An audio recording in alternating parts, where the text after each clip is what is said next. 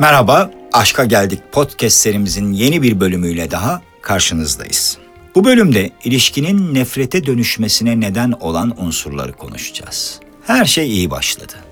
Çok güzel gidiyor. Kendinizi çok mutlu hissediyorsunuz. Dünyada sizden daha şanslı hiç kimse yok. Sonra birden adeta bir kasırga kopuyor. Kapılar vuruluyor, bacalar yıkılıyor, içinizdeki bütün sevgi kırıntıları ölüp gidiyor ve karşınızdaki insandan nefret etmeye başlıyorsunuz. E daha birkaç ay önce yere göğe sığdıramadığınız o kişiden nasıl olup da bu kadar nefret etme noktasına vardınız? Gönül ister ki bir aşk iyisiyle kötüsüyle yaşandıktan sonra taraflar saygı çerçevesinde ayrılabilsin. Ama işler böyle olmuyor. Birbirini deli gibi seven insanlar ilişki bittikten sonra nefret dolu olabiliyorlar. Sevdiğiniz kişiden bir anda nefret eder hale dönüşmenize neler sebep oluyor? Bunu konuşacağız. Öncelikle kişilikleriniz uyumsuz olabilir. Evet, ilişkinin başında sizin için çekici bir durumdur bu. Hani zıt kutuplar birbirini çeker gibi. Onun farklılıkları sizin için heyecan uyandırıcı, merak uyandırıcı olabilir. Onu tanıma fikri, keşfetme fikri cazip gelebilir ama ilişkide uyum gerekir. Bir süre sonra kişiliklerinizin tamamen uyumsuz olduğunu fark ettiğinizde çatışmalar başlar ve o çatışmalarda aşkınızı nefret sarmalına doğru sürükler. Egoların çatışması. Büyük egolar mutlu ilişkileri çok kısa sürelerde yok eder arkadaşlar. Egonuzu törpüleyemeyen biriyseniz, hele hele karşınızdaki de tıpkı sizin gibi biri ise o zaman ego çatışması kaçınılmaz bir durum olarak ortaya çıkar. Siz birbirinize egolarınızı kabul ettirmeye çalışırken aslında kendinizi kısacık bir süre sonra nefretin kucağında bulursunuz. Alttan almayı bilmemek. Haklı olduğunuzu iddia ettikçe, alttan almayı bilmedikçe aşkınızın nefrete dönmesi işten bile değil. Bu tür tartışmalarda kişilerden biri alttan almak zorunda. Aksi takdirde sevgiliniz her olayda haklı çıkmak için uğraşıyorsa sizin açınızdan bir nefret objesi haline dönüşebilir. Kıskançlık ve güvensizlik. İlişkide şüphe uyandıran davranışlar kıskançlığa, kıskançlıkta güvensizliğe yol açar. Böyle bir durumda sevgiliniz sizi sürekli takip eden biri haline dönebilir. O takip ettikçe siz onu paranoyak olmakla suçlarsınız. Sonunda ikiniz de birbirinizden nefret edersiniz. Kırık gözlü olmak. Nedir kırık gözlülük? Sevgilisi yanındayken gözleri fer fecir bakan insanlara kırık gözlü diyoruz biz. Yani böyle insanlar karşılarındaki kişi tarafından nefret edilir hale gelir bir süre sonra. Çünkü ortaya yine kıskançlık ve güvensizlik çıkar. Ayrıca herkes saygıyı hak ediyor. Yanınızda biri varken bir başkasına dikkatle bakıyor olmak sevginize saygı duymadığınız anlamına gelir. Farklı beklentiler. İlişkinin başında aşkın da heyecanıyla karşınızdakinden sadece romantizm beklersiniz. O harika ilgi göstersin, sizi sevsin, okşasın, öpsün, gezdirsin. Gezelim eğlenelim dönemidir bu, cicim aylarıdır. Ama bu biter, durum değişir.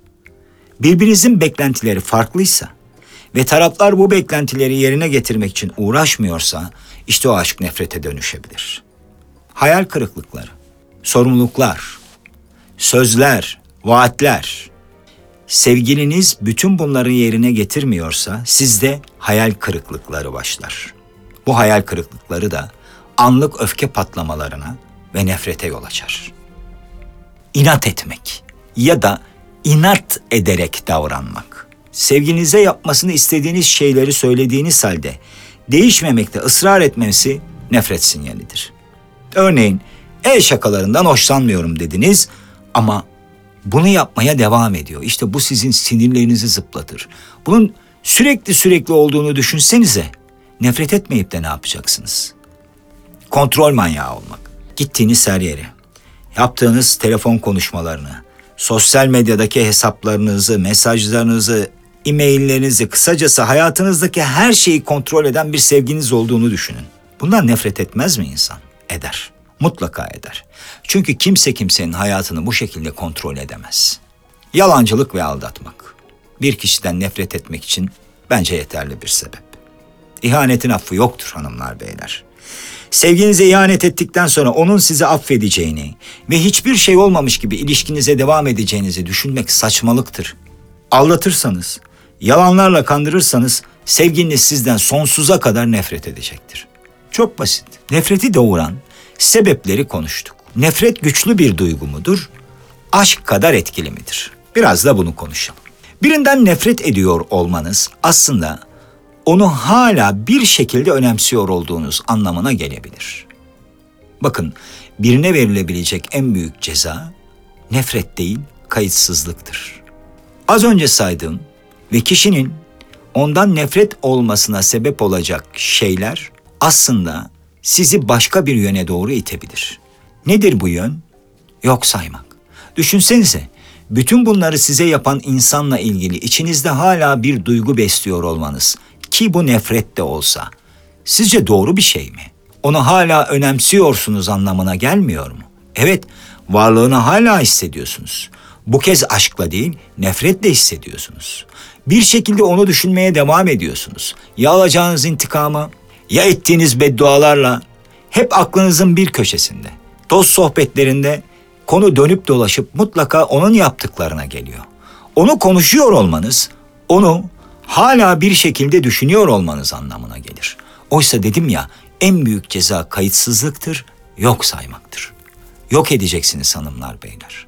Onunla ilgili hayatınızdaki her şeyi yok ettiğiniz zaman asıl büyük cezayı vermiş olursunuz. Ve kendinizi de rahatlatmış olursunuz.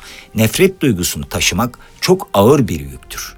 Çünkü aklınız hep oradadır. Ah ne yapsam, ona nasıl bir zarar versem, nefret ettiğiniz insana zarar vermek istersiniz. Canını yakmak istersiniz. E bunun için plan yapmanız, zaman harcamanız gerekiyor. Oysa o sizin hayatınızda değil artık. Kim bilir belki de kendi yoluna gitti, bambaşka bir hayat kurdu ve yaşıyor. Evet hayat adil değil. Yaşadığınız bu acıların benzerini ya da aynısını onun da çekmesini istiyorsunuz. Ama hayat adil değil, çekmeyebilir. Ya da bilmiyorum inancınıza göre belki bu dünyada değil ama gittiği yerde bu cezanın karşılığını ödeyebilir. Bunu bilemeyiz. Cezanın infaz memuru siz olamazsınız.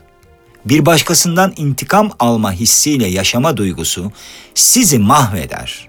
Hayattan soğutur. Çünkü o intikamı hayata geçiremedikçe kendinizi yersiniz. Yapmayalım. Gerçekten bunu yapmak gereksiz bir şey. Bırakın hayat kendi olağan akışında aksın. Siz de bir başkasını mutlaka seveceksiniz zaten. Bu duygudan öyle ya da böyle kurtulmayı başaracaksınız. Zaman alacak doğru. Belki yardım almanız gerekecek doğru ama kurtulacaksınız eninde sonunda. Hayat hep böyle devam etmeyecek. Nefretler bizim içimizi çürütür. Nefret gibi güçlü bir duygunun esiri olmak yerine mutluluğu tercih etmeliyiz. Bir kişiden nefret ediyorsak bu kim olursa olsun gerçek mutluluğu bulmamız çok zordur. Çünkü ruhumuzun ve aklımızın bir tarafı hep o nefret objesiyle beraberdir. Diyelim ki yeni bir ilişkiye başladınız. Bir türlü ona kendinizi veremezsiniz ki aklınızda intikam duygusu var çünkü. E bu size, ilişkinize ve hayatınıza yeni girecek kişiye zarar vereceğiniz anlamına gelir. Nefretten kurtulmamız gerekiyor. Bunun da en iyi yolu yok saymak, kayıtsız kalmaktır. Aşka geldik. Hanımlar beyler, bir podcast serimizin daha sonuna geldik. Bir dahakinde buluşuncaya kadar hepiniz aşkla kalın. İyi ki varsın aşk doktoru.